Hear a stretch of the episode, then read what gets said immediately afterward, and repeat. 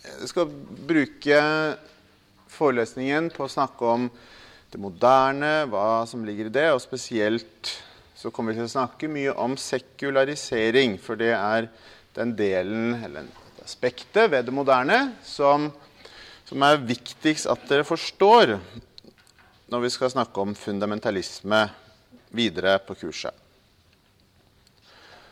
Og det første dere kanskje har lagt merke til, hvis dere har lest litt av pensum, det er at det moderne det, det er jo litt sånn diffust. Det, det, er jo et ord som man gjerne bruker for å Som egentlig bare eh, setter et skille mellom der man er nå, og noe som har gått tidligere, noe som er ikke-moderne. Eh, og det er et gammelt ord som har blitt brukt i flere århundrer for så vidt. Så når vi snakker om modernitet på dette kurset, så må vi forsøke å uh, være litt mer spesifikke. Det første skillet som jeg tenkte å snakke litt om her, da, det er mellom uh, modernitet og moder modernisme. Det tar jeg opp i uh, deler av pensum også. og det, det, er et poeng for så vidt som er ganske viktig. kanskje først og fremst kommer fra en forsker som heter Bruce Lawrence. Eh, eh, og modernitet er jo da objektive prosesser, historiske, økonomiske prosesser, som vi skal snakke om etterpå. Mens modernisme, det er, eh, det er den kulturelle og mer ideologiske delen av det å være moderne. Altså modernisme, det er holdninger, ideologi, mens modernitet det er objektive prosesser som det går an å måle og beskrive osv. Det går selvfølgelig an å måle og beskrive holdninger og ideologier også, men dere skjønner dette skillet, da. Så vi skal ta det mer opp siden. Og det, det er også noe av grunnen til at jeg satte et lite spørsmålstegn bak tittelen på forelesningen i dag. 'Moderniteten er alle fundamentalisters fiende'. Fordi vi skal, Hvis vi skal spesifisere det litt, så så burde vi være så um, så nøyaktig, kanskje, eller vi burde i hvert fall begynne med å si at modernitet i sin helhet, det er jo ikke det som fundamentalister nødvendigvis reagerer mot, men det er modernismen. Det er holdningene og ideologiene og de kulturelle strømningene, kanskje mer, som er, som er viktig. Uh, for fundamentalister, og noe av bakgrunnen for at fundamentalisme oppstår. da. Så, eh, og selvfølgelig eh, så er det også grunn til å peke på at de fleste fundamentalister de er jo helt happy med å bruke eh, f.eks. de teknologiske hjelpemidlene, som, som, vi kan si at modernitet er ført til. ikke sant? Det er de aller færreste fundamentalister vil kvie seg for å bruke mobiltelefoner, f.eks.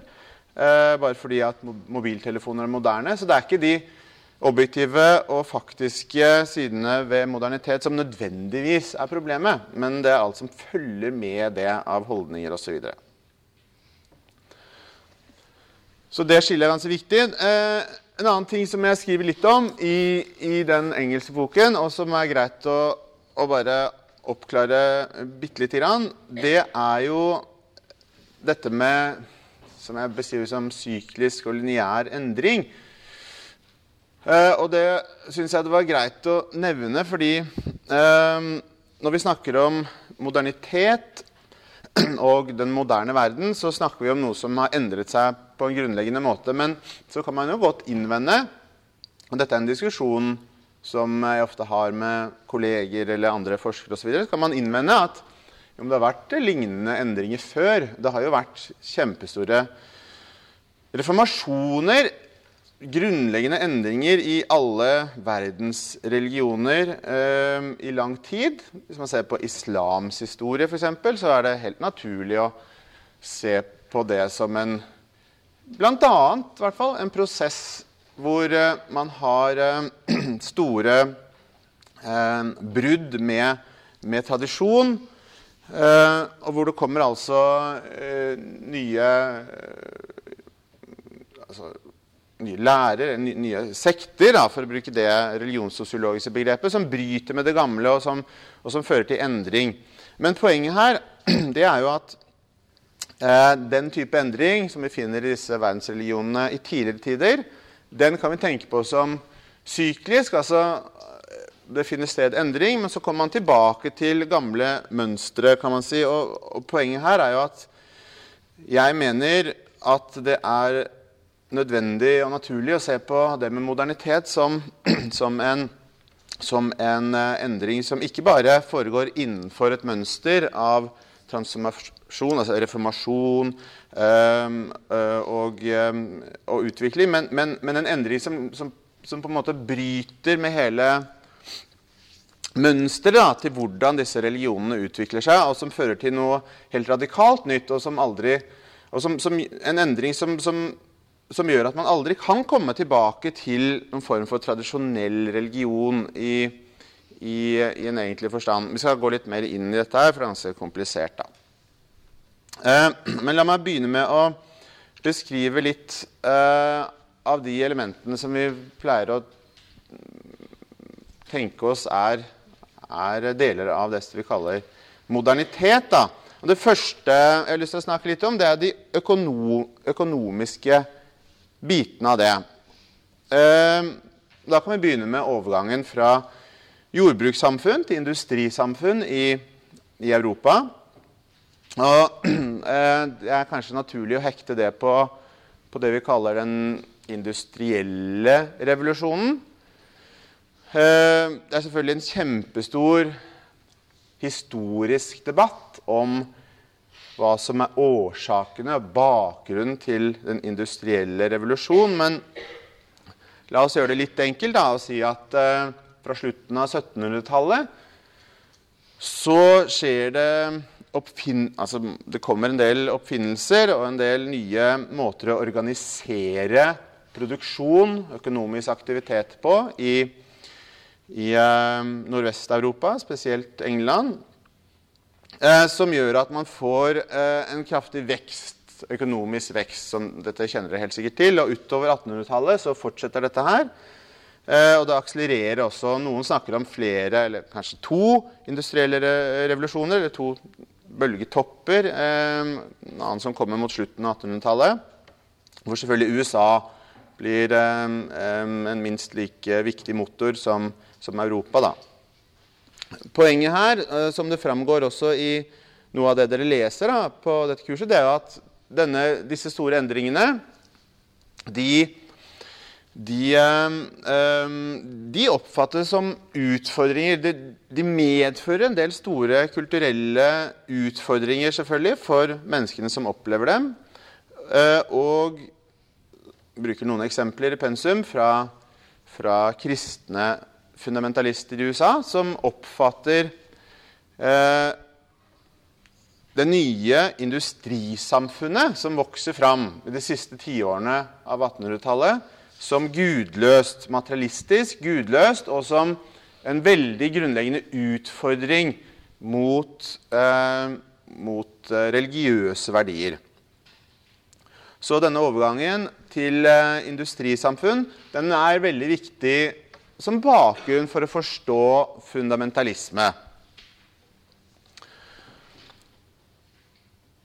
Det andre man kunne snakke selvfølgelig her om, det er jo den mer generelle teorien til Max Weber, som jeg ikke skal gå ordentlig inn i her. Det er, hvis noen av dere eh, tar, eh, tar, dette kurset REL 1001, altså om teori og metode, så går vi litt mer inn i detaljene til Webers teori der, men jeg kan bare si helt kort at Weber fremsatte jo en, en veldig berømt teori. Første årene av 1900-tallet så fremsatte han denne teorien om at eh, protestantismens etikk egentlig var en viktig bakgrunn og forutsetning for framvekst av moderne kapitalisme. Eh, og det handlet eh, bl.a. om en, en, en, ny form for arbeidsetikk og følelsen av å ha et kall.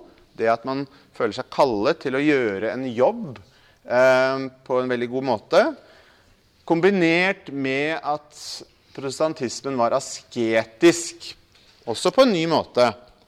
As askese det kjente man selvfølgelig fra, fra gamle kristenhetens klostervesen, men poenget med reformasjonen fra tidlig 1500-tall, det var jo at askesen ble brakt inn i verden.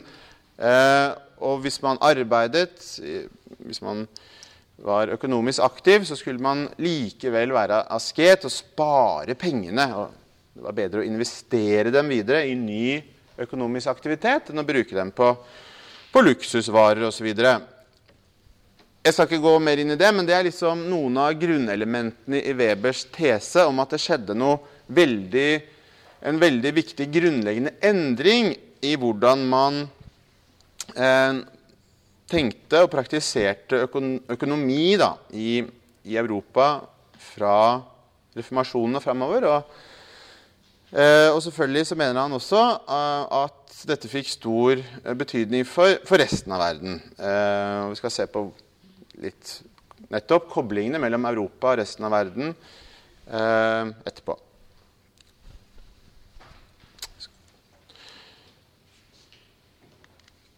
Uh, et annet element er jo dette med urbanisering, som veldig mange har vært opptatt av når det gjelder eh, for så vidt fundamentalisme, for forklaringer på fundamentalisme. Dette med at industrialisering og disse, den store økonomiske endringen som jeg snakker om her, den førte jo til at folk flyttet fra, fra landsbygd til byer fordi man, man måtte koordinere arbeid på en annen måte. Det fører til andre måter å ordne tid og rom på, fordi man eh, trenger arbeidskraft til f.eks. fabrikker, industriproduksjon. Og det fører til at man får byer med de problemene og eh, mulighetene som, som, urbanisering Altså det, det, at folk flytter til byer, byene vokser, som det medfører, da. Og På mange måter så kan man jo si at storbyen, slik den fortsetter å vokse også for så vidt i dag, det er jo eh, på mange måter et sånt symbol på modernitet. Og mange som er opptatt av fundamentalismen, de er jo nettopp opptatt av at fundamentalistiske grupper de, de oppstår ofte i storbyer. Og noe av grunnen til det, altså noe av det som er relevant ved det, det er jo at i storbyen først og fremst er det mange mennesker der, så, så det er store muligheter for å organisere, sosiale bevegelser. Det er én ting. men men storbyer gir også eh, perspektiver på, på, egen religion. Altså man blir utfordret på en helt annen måte fordi man møter mennesker som har andre religioner. Og i en forstand så kan man si at opplevelsen av å bo i moderne storbyer, det relativiserer egen religion på, på, en, på en, måte som er ganske relevant når vi skal forstå eh, fundamentalisme.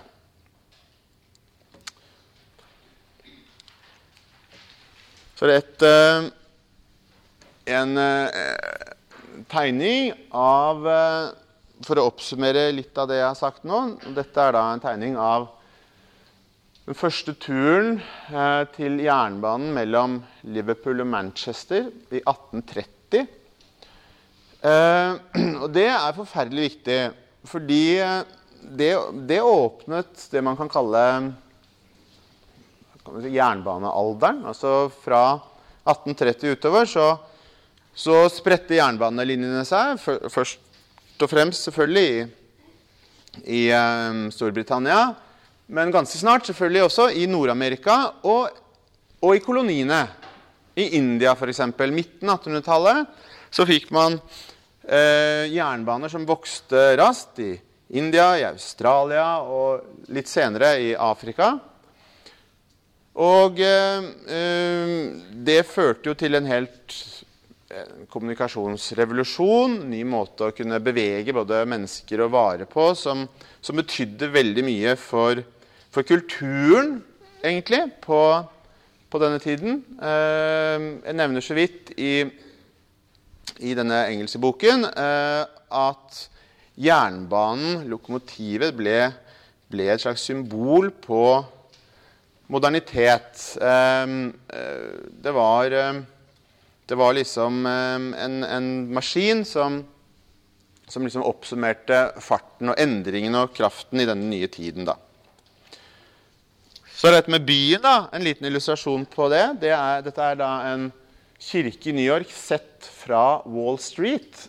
Eh, som jeg syns er en fin illustrasjon på at eh, Ops, skal bare ta bort denne. Der. Eh, illustrasjon på at eh, religion, eh, religiøse bygg, religiøse organisasjoner, de, de, får det jo litt trangere når de eh, eksisterer i en by. Og for å i det hele tatt å synes, så må man eh, gjerne ty til eh, litt sterkere virkemidler ofte, og rope litt høyere om, om hvem man er, osv. Så dette er jo typisk eh, syn i moderne storbyer, selvfølgelig. Skal vi se Hva er dette for noe tull, da? Sånn. Jo, og så skal jeg gå litt mer inn i um, um, I disse kulturelle endringene, som modernismen, som jeg snakket om, hva, hva det egentlig er for noe. Um, vi kan jo bruke stikkordet liberalisme for å forklare noe av dette her, nemlig ideologien om, om um, ja, likeverd, frihet, selvfølgelig. Uh, individuell frihet. Um, og denne arven som vi, som vi har fra opplysningstiden om, om, om at religi... Altså, religiøse tradisjoner sin makt over enkeltmennesket, den, den, er man da skeptisk til. Og denne skepsisen til, til uh, religionens makt over individet, den er jo typisk for uh, mange miljøer på denne tiden. Og det som vokser fram, og, og noe av det som kanskje er, eh, er viktigst for fundamentalister, de tidlige fundamentalistene i USA, det er jo denne, dette nye liberale synet på kristendommen. Dette synet om at, oppfatningen om at eh, kristendom kan være forskjellige ting for forskjellige mennesker. Det er ikke nødvendigvis én sannhet. Eh, oppfatninger om at kristendom handler kanskje like mye om eh, sosial endring, om fattigdomsbekjempelse, om det å, om det å møte utfordringer med, med, med, med kriminalitet, eh, fattigdom osv. i storbyene. Eh, dette er den nye liberale kristendommen, men også selvfølgelig selve teologien, eller selve synet på, på krist, det, altså innholdet i kristendommen, synet på Bibelen, det at man blir mer villig til å skal vi si, se på dette eh, i et historisk lys. da, som, som en, altså, Se på Bibelen som en historisk tekst som ikke nødvendigvis eh, tolkes likt i alle tider osv. Så, videre. så denne liberale kristendommen, liberale kulturen, som vokste fram i, i um, på den tiden, det, det var en stor utfordring for, um, for uh, konservative kristne i USA. Uh, jeg har skrevet et navn her uh, for å illustrere et annet poeng, nemlig at det er ikke slik snakke, I en senere forelesning skal vi snakke om vitenskap og religion i forbindelse med fundamentalisme. Men her vil jeg bare kort påpeke at det er ikke slik at vitenskap og, eh, vitenskap og konservativ religion alltid sto mot hverandre. fordi noe av det dere leser om i pensum, det er jo, det er jo metodismen som John Wesley sto bak. John Wesley som levde da på gjennom 1700-tallet. Bildet Et bilde av han her.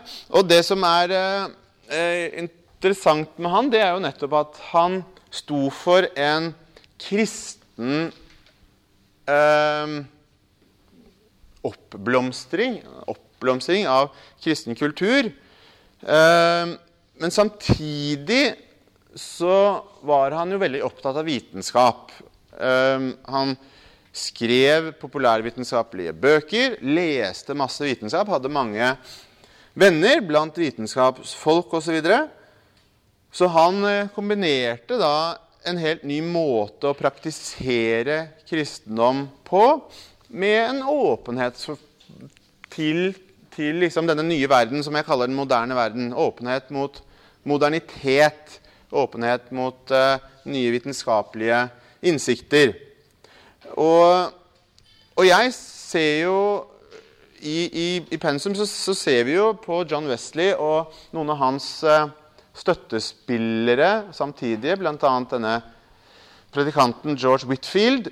Um, så ser jo jeg på dem som egentlig foregangsfolk for eh, Jeg kaller dem ikke fundamentalister, men jeg ser på dem som foregangsfolk for, for eh, den måten å bedrive religion på som fundamentalisme er, kan du si.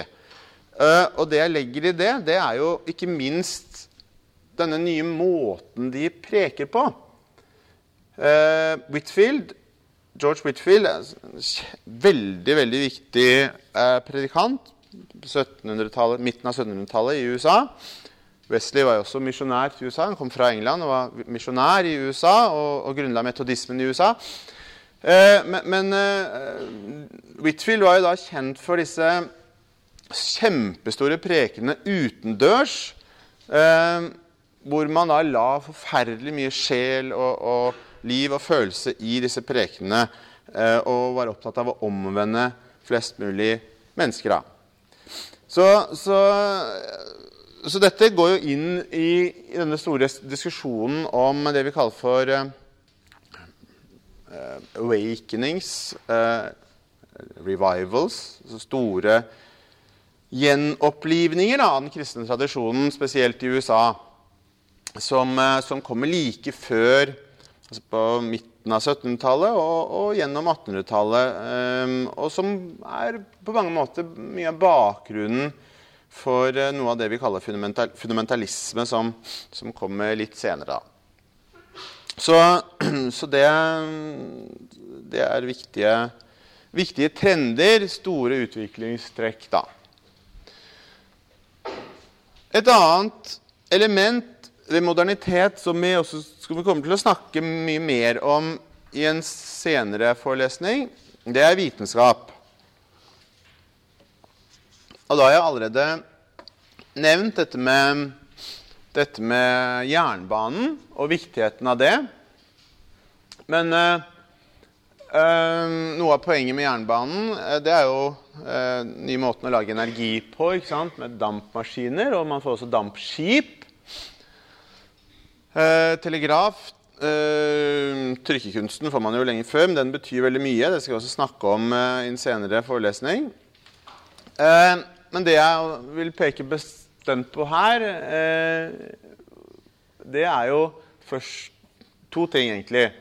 Det ene er filologien, altså den nye måten å studere tekster på, spesielt den nye måten å studere Bibelen på. Det andre er evolusjonsteorien til Charles Darwin.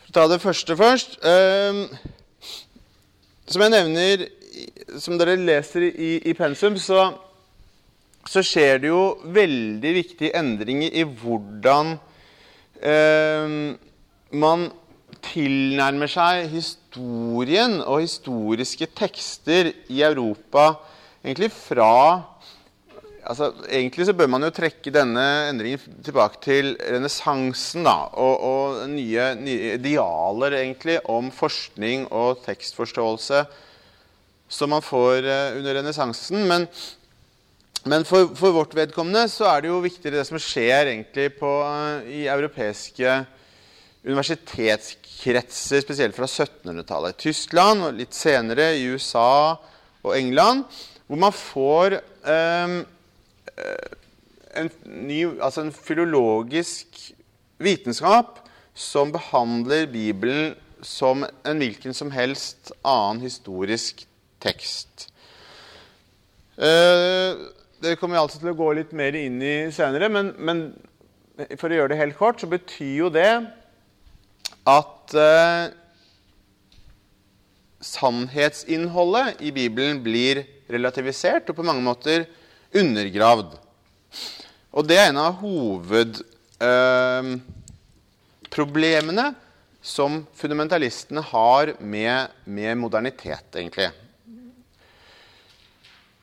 Den nye filologien. Det andre som jeg nevner her, det er altså artenes opprinnelse, som kommer i 1859. altså og som fører til en revolusjon i hvordan vi ser på, ser på utviklingen av arter.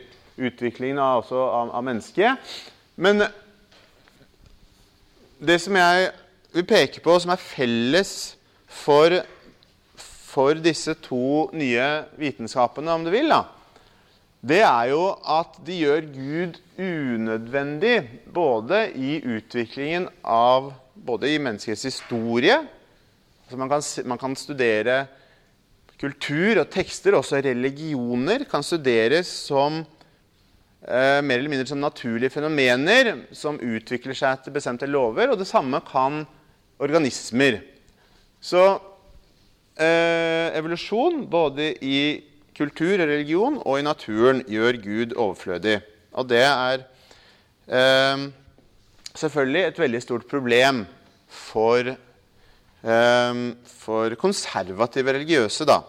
Først i kristendommen og på litt forskjellige måter i andre religioner. Og I en senere forelesning skal vi gå litt inn i hvordan både eh, altså reaksjoner på dette, både i islam, og hinduismen og buddhismen, skal vi se at det er ganske store forskjeller i hvordan disse forskjellige tradisjonene oppfatter eh, utfordringen som ligger i moderne vitenskap. Da.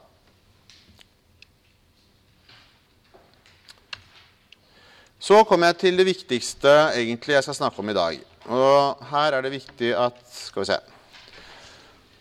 At dere forstår eh, uh, Forstår poengene mine. Eh, sekularisering inngår jo som liksom nøkkelord i den definisjonen av fundamentalisme som vi snakket om i forrige forelesning.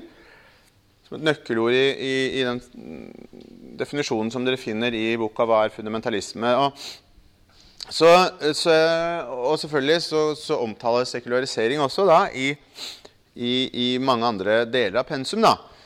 Så jeg skal bruke litt tid nå på, på å forklare hva hva vi skal forstå med sekularisering, og hvorfor det er så viktig.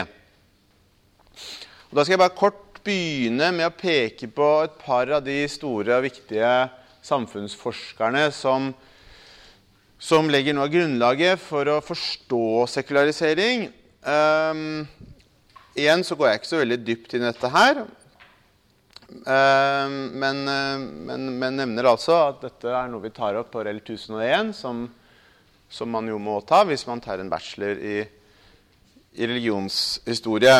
Eh, Dirkhem, eh, den franske sosiologen, sosiologiens grunnlegger, kan man kanskje si, var opptatt av arbeidsdeling i samfunnet og hvordan eh, avanserte samfunn hadde en større og større grad av arbeidsdeling, eh, av spesialisering, kan man si. Mens igjen Max Weber som jeg nevnte i sted, var, eh, var, også opptatt av hvordan religion end, altså Han var opptatt av forholdet mellom rasjonell tenkning, da, eller det han kalte rasjonalitet, og eh, religion. Og så på rasjonalisering det at, det at flere og flere områder av tilværelsen eh, kan eh, kan kontrolleres ved ikke-religiøse og rasjonelle tilnærminger. Som, han så på det som en av de viktige sidene ved, ved moderne tid. Da. Så, så ja, jeg skal, jeg skal, ikke gå så mye mer inn i de klassiske tankene nå. Men eh, det, jeg kommer til å snakke om sekularisering i tre forskjellige betydninger. Og Øverst her så står det én sekularisering som differensiering. Jeg forklarer jo dette i pensum. Eh, Så nå, nå skal jeg belyse det litt, eh, sånn at dere er sikre på at dere får med dere hva dette betyr. Fordi det er differensiering som er den viktigste betydningen av sekularisering. Eh, vi kunne godt snakke om hvorvidt man får mer eller mindre tro i moderne tid osv. Det er ikke så veldig viktig. Når man, en liten digresjon, så når man, når man, hører ordet sekularisering bli brukt i medier, i moderne debatter, så er det veldig ofte at folk tenker seg at sekularisering det handler om om nordmenn eller amerikanere eller italienere blir, tror mer eller mindre på Gud enn før. Eller mer eller mindre på himmel og helvete og sånn. Det, det er ikke en viktig side ved sekulariseringen. Det kan være interessant, men det er ikke det som er viktig egentlig for oss. Det er ikke det som er viktig for å forstå samfunnsendringer. Da. Så hvis man sier, hvis man sier sekulariseringen har, tar, finner egentlig ikke sted fordi, fordi, mange tror på Gud fortsatt, så, ja, så sier man egentlig noe som ikke er så interessant. Da. Den viktige betydningen av sekularisering det er altså denne prosessen som er et element i moderniseringen. Da, hvor eh, samfunnets undersystemer blir autonome. Jeg skriver en del om det i pensum. Og ved samfunnets undersystemer så mener jeg da f.eks. økonomien, politikken, vitenskapen, utdanningen, jussen burde jeg skrevet her. Det kommer vi til å snakke mye om. Juss. Men poenget er at disse undersystemene av samfunnet de får egen, sitt eget liv. De blir uavhengige av religionen. Det er det vi mener med differensiering. Eh, så sier jeg til et ord nederst compartmentalization. Jeg trenger ikke henge dere opp i det, men det er bare et, et engelsk ord som forsøker å beskrive hvordan man som moderne menneske da forholder seg til dette faktum at, at disse undersystemene blir autonome. Bl.a. ved at man forholder seg til forskjellige typer logikker. Hvis man går til en, en domstol eller til en lege, så er man altså ikke opptatt av religiøs, eh, religiøsitet. ikke sant? Da da holder man det utenfor. Hvis man, hvis man driver med vitenskap, så, man, så, så, så følger man vitenskapelig logikk. Eh, hver av disse delene, hvert av disse subsystemene eller undersystemene, de, de har sin, sin egen, eh, sitt eget språk, sine egne institusjoner osv. Så, så det, det, er liksom det viktige, da. Det er den viktige biten ved sekularisering. Og Eh, og som jeg, som jeg, hevder da, eh, i denne definisjonen, så, så, er det jo dette som fundamentalister først og fremst reagerer mot. da. Fordi problemet her, problemet her det er jo nettopp det at eh, religionen får mindre å si på disse andre områdene av samfunnet. Religionen og religiøse eksperter, religiøse moralsystemer, blir skjøvet ut og har ikke lenger noe, noe de skulle ha sagt da, innenfor, innenfor, disse andre undersystemene. Eh, og det er, det, det er, den siden ved sekularisering som er viktig å forstå når vi skal snakke om eh, eh, forholdet mellom modernitet og religion. Og selvfølgelig spesielt fundamentalisme.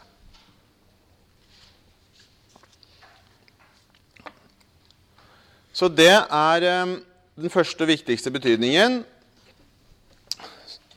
Så er det selvfølgelig mange som er opptatt av spørsmålet jeg nevnte i stad. Hva skjer med individet, da?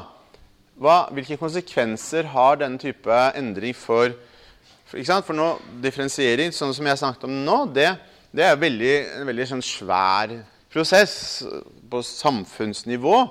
Og da, når man beskriver den type prosesser, så blir jo liksom individets syke borte. Vi får jo ikke øye på det når vi beskriver samfunnet på den måten.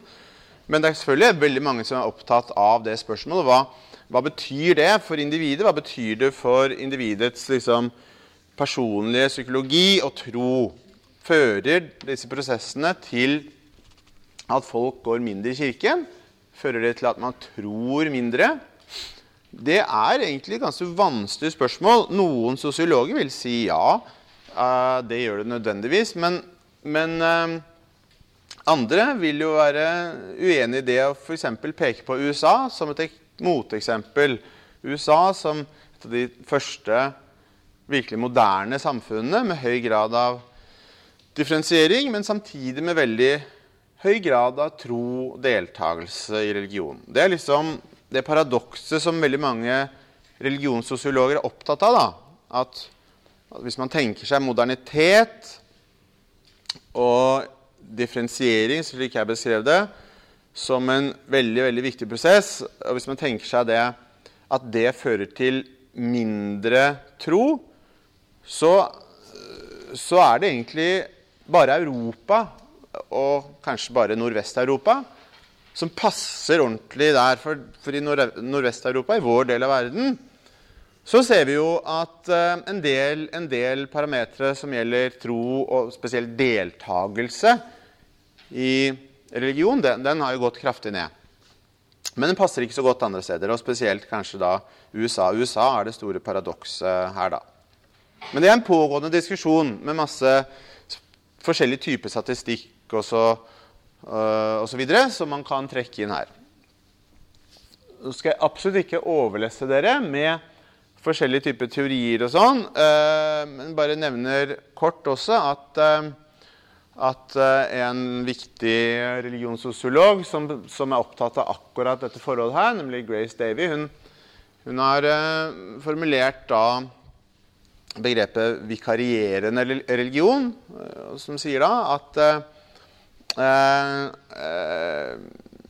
Jo, europeere, f.eks. nordmenn, de deltar veldig lite i religiøst liv. De går nesten aldri i kirken. Men det er fordi, bl.a. fordi at de har eh, en, en, religiøs elite, et presteskap, som, som, tar seg av den deltakelsen for dem. Um, um, slik at de ikke trenger det. Det er vikarierende religion. Da kunne man også tenke seg at hvis, hvis man ikke lenger hadde dette presteskapet, eh, så ville folk begynne å delta mer, kanskje, i kirken. Det er en svær diskusjon, komplisert diskusjon som jeg ikke skal gå inn i her. Men, eh, men eh, det jeg skal bare helt kort gjenta, som nevntes så vidt i stad, det er jo at det individer blir nødt til å gjøre i, i en slik situasjon, i en moderne, moderne eh, samfunn, det er jo at man deltar på forskjellige typer premisser med forskjellige typer roller, egentlig. Roller kan man snakke om her. Man tar forskjellige roller når man beveger seg i disse, disse forskjellige undersystemene. Da. I det religiøse systemet så er man troende, f.eks. I det politiske så er man velger. ikke sant? I det økonomiske systemet så er man konsument. I utdanningssystemet så er man student. I sykehus er man pasient, osv. Og, så videre, og, så og så er man i stand til, moderne mennesker er da i stand til å, til å holde disse rollene fra hverandre i en større grad enn eh, en man sannsynligvis var før, for å si det litt enkelt. da. Så det er en måte å se på, se på hva som skjer med individet på i, i, denne type situasjon. Så da har jeg forsøkt å beskrive liksom den viktigste eh, viktigste betydningen da, av sekularisering. Altså sekularisering som differensiering. Men jeg skal si noen ord om to andre betydninger av sekularisering også, eh, som også er for så vidt viktige. Det ene er at sekularisering kan bety privatisering.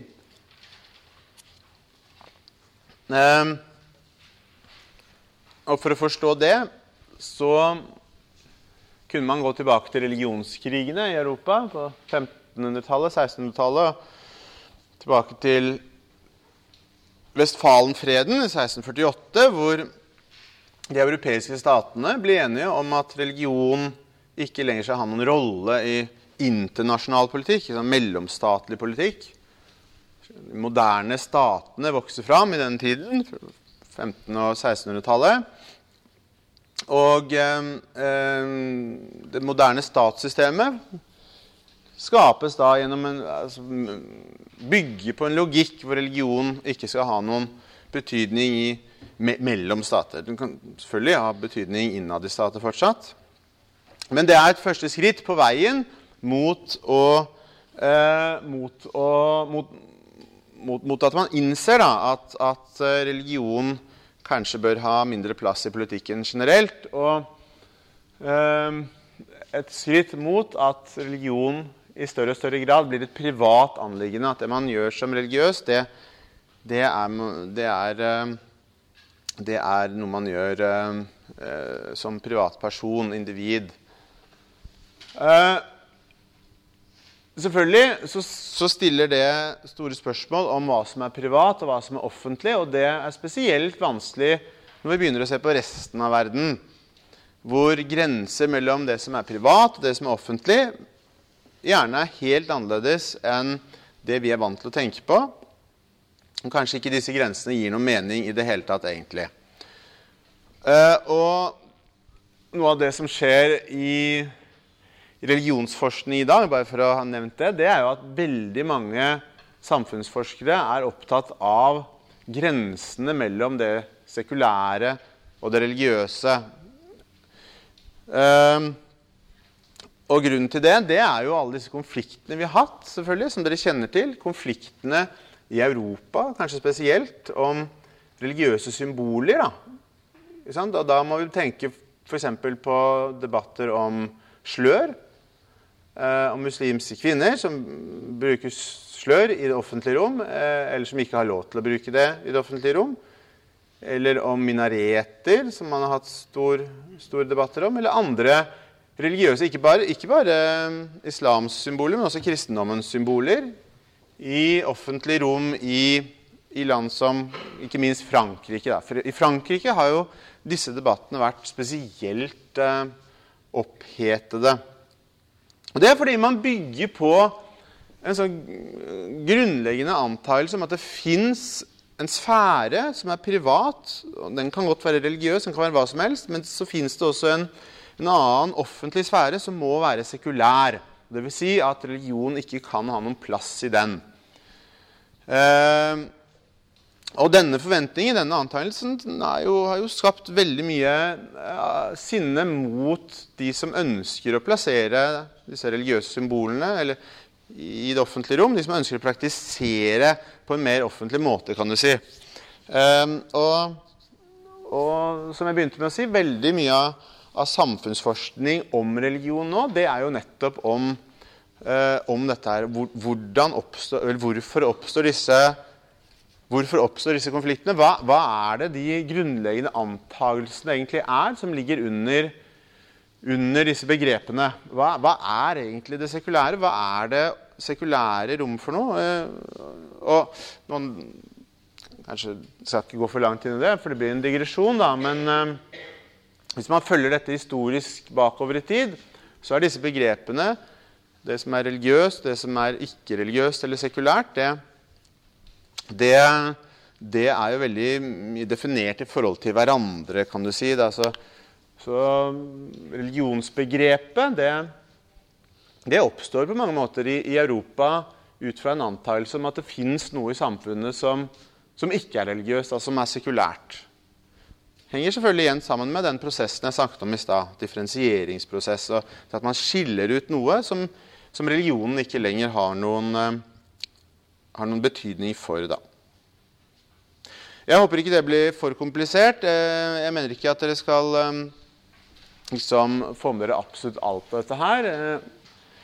Uh, men altså, for å oppsummere Betydning to av sekularisering det var altså dette med med at religion blir en privat privatting, noe privat, mens det offentlige er ikke-religiøst.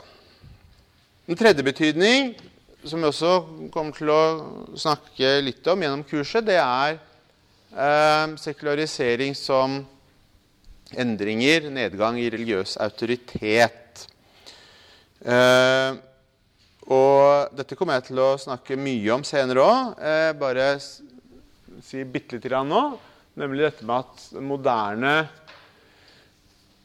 tiden fører til grunnleggende endringer mellom de religiøse elitene og lekfolkene. Eh, og det henger sammen med veldig mange ting som vi skal gå i dybden på senere. Men det er ikke minst forholdet mellom stater, altså politiske, og det, altså statens forhold til presteskapene og forhold til, til lekfolkene, altså vanlige folk. Eh, det er liksom forholdet mellom disse tre polene som, som endrer seg på veldig grunnleggende måter. Um, og det, det er, nevner jeg nå fordi det er egentlig noe av hovedpoenget i denne boken, uh, 'Fundamentalism Prophecy and Protest'. Uh, jeg, skal, jeg, skal, forklare det i dybden, men, det, men dette er nå liksom kjernen i, i, argumentet i den boken. da. Så da har jeg gått gjennom tre betydninger av sekularisering. Og så har jeg stresset liksom at den første betydningen, sekularisering som differensiering, det, det er veldig viktig å forstå. Eh, det er liksom den viktige betydningen av sekularisering. Som, forklarer, som, som, forklares litt mer i detalj selvfølgelig i pensum, men jeg, som, som, jeg håper dere også får litt tak i av det, det jeg har sagt her. da. Så er det én liten misforståelse eller en, en liten eh, avklaring som jeg vil gjøre før jeg forlater dette temaet sekularisering. Og det er forholdet mellom sekularisering og sekularisme. Og Der kan vi godt se en parallell til forholdet mellom modernitet og modernisme. Fordi sekularisering, som dere har skjønt, skjønt på, på, det jeg har sagt nå, det er en objektiv prosess. Sekularisering har funnet sted. I den betydning jeg snakker om det, så, har, det, det, skjedd sekularisering historisk over, over lang tid. Eh, noe, vi legger ikke noe verdi altså Sekulariseringen er ikke snill eller slem. Det, det er en historisk prosess. ikke sant? Men sekularismen det er en ideologi. Akkurat som modernismen. Man kan godt si at modernismen også inneholder sekularismen. Sekularismen er en ideologi og av og til så er det en politikk, en sekularistisk politikk, eh, som eh, kort sagt går ut på at eh, religion bør ha enten mindre plass i samfunnet totalt, eller at den bør, bør, ha veldig spesifikke områder å, å eksistere på i samfunnet. Spesielt det private, ikke det offentlige. Så sekularismen er det politiske og ideologiske. Eh, og igjen her så er det kanskje naturlig da å trekke fram at Stille dette spørsmålet, da. Hva er fundamentalisme? Jo, fundamentalisme er jo Det er reaksjoner mot sekularisering. Um, men uh, det er også selvfølgelig reaksjoner mot sekularisme. Mot, mot denne uh, ideologien som sier at religion skal bli borte. Og bare for å illustrere hva sekularisme kan være, så er det da et, en illustrasjon fra Kina, hvor en, eh, en kommunistisk soldat står og, og knuser altså religiøse symboler her. Da. Her ligger de Det er litt lite kanskje på bildet, men, men alt dette her er religiøse bøker og, og, og statuer og symboler og sånn. bare illustrere at uh, selvfølgelig det har eksistert en del stater i historien som har vært veldig sterkt sekularistiske. Vi har hatt sekularisme som politisk program. Um, og um, for så vidt så kan man jo se også på de store debattene som pågår i dag, uh, kanskje først og fremst i Storbritannia, om den nye ateismen, det som vi gjerne kaller den, den nye ateismen som selvfølgelig også er sterkt sekularistisk, hvor, hvor uh, biologen Richard Dawkins, som dere sikkert har hørt om, er forgrunnsfigur. Veldig, veldig religionskritisk. Oppfatter religion som noe destruktivt og negativt og ønsker da politikk eh, som holder religion, religion liksom nede, da, eller utenfor, i hvert fall utenfor det offentlige rommet. Så da har vi kommet oss gjennom dette med sekularisering og sekularisme. Og nå skal jeg gå videre på, på, på det store spørsmålet om Ja, dette som jeg beskrev nå, det, det skjedde jo i Europa, for å si det enkelt. Modernitet, sekularisering. Eh, nå har vi snakket om en, eh, først og fremst en europeisk og, og for så vidt nordamerikansk modell. da. Men hva betyr dette for resten av verden? Um, og dette er jo også helt grunnleggende for, for liksom hovedforståelsen av fundamentalisme som går igjen i pensum. Så det å forstå eh, globalisering, hva globalisering betyr og, og Det vi er opptatt av her, det er jo sant, forholdet mellom den vestlige verden og og verden for øvrig. Forstå eh, på hvilken måte eller hvilken grad modernitet, og da inkludert sekularisering, har, har fått noen betydning for, for, andre deler av verden. For det har den jo. Men, men på hvilken måte har det skjedd? Eh, og Derfor må vi snakke en del om globalisering, hva det betyr.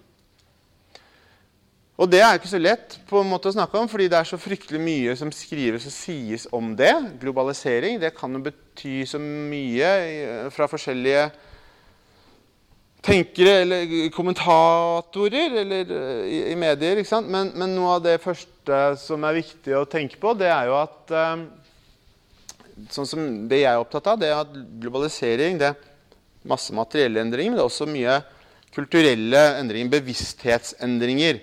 Det er bevisstheten om verden som en enhet. Det har jeg for så vidt eh, stjålet fra en, en, veldig kjent forsker som heter Roland Rob Robertson, som snakker om, legger veldig vekt på dette her, at globalisering som en økende bevissthet om verden som en enhet. Så det er altså endringer i bevissthet, i persepsjon, egentlig. Endringer i hvordan man ser på verden. Ikke bare endringer i materielle forutsetninger eh, i verden som helhet. Eh, og noe av disse endringene i persepsjon det kan man jo spore i, i globaliserte debatter, diskurser om, om størrelse som rettferdig Altså begreper da, som eh, liksom politiske begreper som, som spredde seg spesielt fra slutten av 1800-tallet Um, alle disse tingene her. Um, men det, det, vi må gå litt inn på for å forstå hvordan, hvordan um, altså Hva globalisering er for noe, og hvilken betydning det har her, det, det er jo kolonitiden. Og i hvilken grad og på hvilken måte det moderne spredde seg gjennom de kanalene da, som kolonialisering eh, skapte. Eh, og da vil jeg begynne med å si at eh, litt, litt, med dette med bevissthet og begrepene om tid, rom, historie, altså fortid Hvordan eh, kolonitiden, i hvert fall veldig mange steder, eh, la nye forutsetninger for, for en ny bevissthet om, om, disse størrelsene. Eller nye måter egentlig å tenke eh, på disse størrelsene eh, på, da. Så vi kommer litt tilbake til det eh, etterpå. Eh, Selvfølgelig uh, må vi også snakke om teknologi. Det er ikke bare bevissthet, men det er, det er teknologi som jeg var opptatt av i stad, nemlig jernbane, telegraf, uh, medisinsk vitenskap. Og kanskje viktigst for vårt vedkommende på en måte, så i hvert fall veldig viktig, så er det nye organisasjonsformer. Uh, det kunne man snakke mye om, men, men hvordan kolonimakter i forskjellige deler av verden, hvordan de styrte samfunn, eh, betydde selvfølgelig veldig mye for hvordan disse samfunnene eh, etter hvert oppfattet seg selv, og hvordan de oppfattet eh, sin egen kultur, sin egen religion osv. Uh, juss kommer vi til å snakke om masse i, senere, i et senere, senere forelesning. Uh, helt kort stikkord her er liksom det som vi kaller legal transplants i deler av pensum. Dette med at Frankrikes eller Storbritannias lovkoder ble, ble overført til koloniene. eh, og fant forskjellige måter å eksistere sammen med eller å erstatte eh, juridiske systemer som eksisterte allerede. Poenget her er at det, det skjer endringer på veldig mange nivåer. Eh, og hvordan de mottas eller plantes i forskjellige samfunn, er også veldig varierende. og Derfor er det mange, mange forskere da, som har pekt på at modernitet Vi snakket jeg modernitet i Vesten, men modernitet i verden som helhet, det er veldig forskjellige ting. Man snakker om multiple modernities. Modernitet fins på mange, mange forskjellige måter i forskjellige deler av verden. Så her er det litt, altså mange forskjellige typer stikkord. Jeg kommer til å snakke mye om, om mange av dem i senere forelesninger. Så dette blir eh, litt grann smakebiter, egentlig bare. Men for å illustrere Jeg syns ofte bilder og kart altså Når vi snakker om globalisering, så syns jeg at eh, kart er noe av det som illustrerer kanskje aller best. Derfor tenkte jeg å begynne med å bare se kort på et kart eh, over eh, europeiske kolonier i år 1800. Og da kan vi se at Ehm, eh, England har eh, Australia, New Zealand og deler av Canada. Altså noen bitte små greier i Vest-Afrika. Så ser dere at Frankrike har noen, også noen bitte små greier i Vest-Afrika. Mens de gamle koloniene, Spania og Portugals kolonier, de er jo enorme. Det, er, det var jo den første kolonitiden selvfølgelig, Spania og Portugal, som, som, eh, som underla seg veldig store deler av Amerika. Men så ser vi også det som jeg egentlig ville peke på her, det er jo at mesteparten av den verden jeg er interessert i dette kurset, den er jo ikke kolonisert. Den er jo, den er jo eh, grå her. Tilhører ingen av de europeiske maktene. Men hvis vi går litt fram i tid, så ser vi Her har vi tatt et utsnitt, da. Eh, fordi eh, fordi at Amerika, både Sør- og Nord-Amerika, blir jo tidlig frigjør seg gjennom frigjøringskriger fra Europa. Men helt fram til 1945 Dette er opp til 1945. Det er slik Asia og Afrika ser ut eh, fram til 1945. Eh, og der ser dere Frankrike er det grønne i Afrika. Hele Sahara og nedover Sentral-Afrika. Mens eh, Storbritannia har Sudan, Kenya, hele Øst-Afrika her. ikke sant? Og hele Sør-Asia. India, Pakistan, Bangladesh, Burma og Malaysia, deler av Indonesia. Og så er det selvfølgelig ne kjempestor nederlandskoloni, Indonesia osv. Så, videre. så poenget med å vise sånne kart jeg synes det er veldig illustrerende, i hvert fall, da, og det er jo at uh, mellom 1800 og 1945 så, um, så, legger da noen få europeiske land under seg hele Afrika og hele Sør-Asia, store deler av Midtøsten og Sørøst-Asia. Det som forblir uavhengig, og som ikke blir kolonisert, det er jo selvfølgelig sånn som Kina, Thailand og eh, Iran, selv om det var for så vidt eh, ikke uavhengig, men ikke, ikke kolonisert på samme måten. Men, men, stort sett resten av Asia blir kolonisert.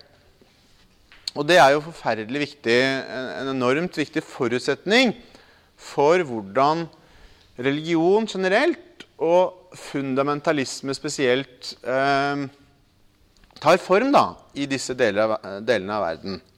Og det er disse delene av verden eh, som, eh, som, vi fokuserer mest på i pensumet vårt. Da. Spesielt Midtøsten og Sør-Asia, ikke minst. da. Et annet kart Globalisering og kart hører veldig sammen. Eh, kanskje litt vanskelig å se, men her er telegraflinjer i ca. 1890-1891, tror jeg. Og da har man eksperimentert med transatlantiske telegraflinjer i noen tiår. Men nå har man altså da, mot slutten av 1800-tallet, kommet dit hen at man forbinder hele verden. Eh, London derfra, så både vest- og østkysten av USA, hele Sør-Amerika, ned til Buenos Aires, rundt hele Afrika, Kina, Japan, India, Australia. Det, liksom det, det, ser uskyldig ut, men det betyr forferdelig mye. For det betyr at nyheter som oppstår i Japan eller Bombay eller uh, Argentina, de, de, kan man lese om i avisen neste dag i London eller Paris. Og det er den type ting som bidrar til å endre det jeg snakket om som bevisstheten om verden som en enhet. Det er dette som altså, Dette er jo teknologiske forutsetningene for at flere og flere mennesker, i hvert fall elitene i mange deler av verden, ser på verden som en enhet. Man, man, leser hva som skjer i Japan, Brasil, USA osv. Eh, og så betyr jo selvfølgelig masse dette med språk, som jeg også kunne snakket masse om. Dette med at England etter hvert begynner å sette standarden for språk. Eh, og engelsk blir, blir, et lingua franca, altså et felles kommunikasjonsmedium, i større og større deler av verden. Da. Så dette er liksom eh, de, noen av de teknologiske forutsetningene for for, eh, for denne fasen av globalisering Eh, som, um, som er så viktig, da. Uh, skal vi se Jeg hadde en del mer jeg ville si her, men nå har jeg snakket uh, litt over en time. Skal vi se hvor mye jeg har igjen. Um, jeg tror um, huh. Jeg tror egentlig jeg um, sier stopp der. Så får jeg heller komme litt tilbake til dette med misjonærer og globalisering neste gang. Fordi uh, jeg har ikke tenkt å holde dere på benken her mer enn en time. Men jeg har alltid, jeg har alltid tenkt å ha i hvert fall fem til ti minutter, eller gjerne et kvarter, uh, gjerne 20 minutter, til spørsmål og sånn etter hver forelesning. Og det har jeg tenkt til i dag òg. Uh, så um, gjerne at vil gjerne høre spørsmål og, og sånn, hvis det er noen som har det.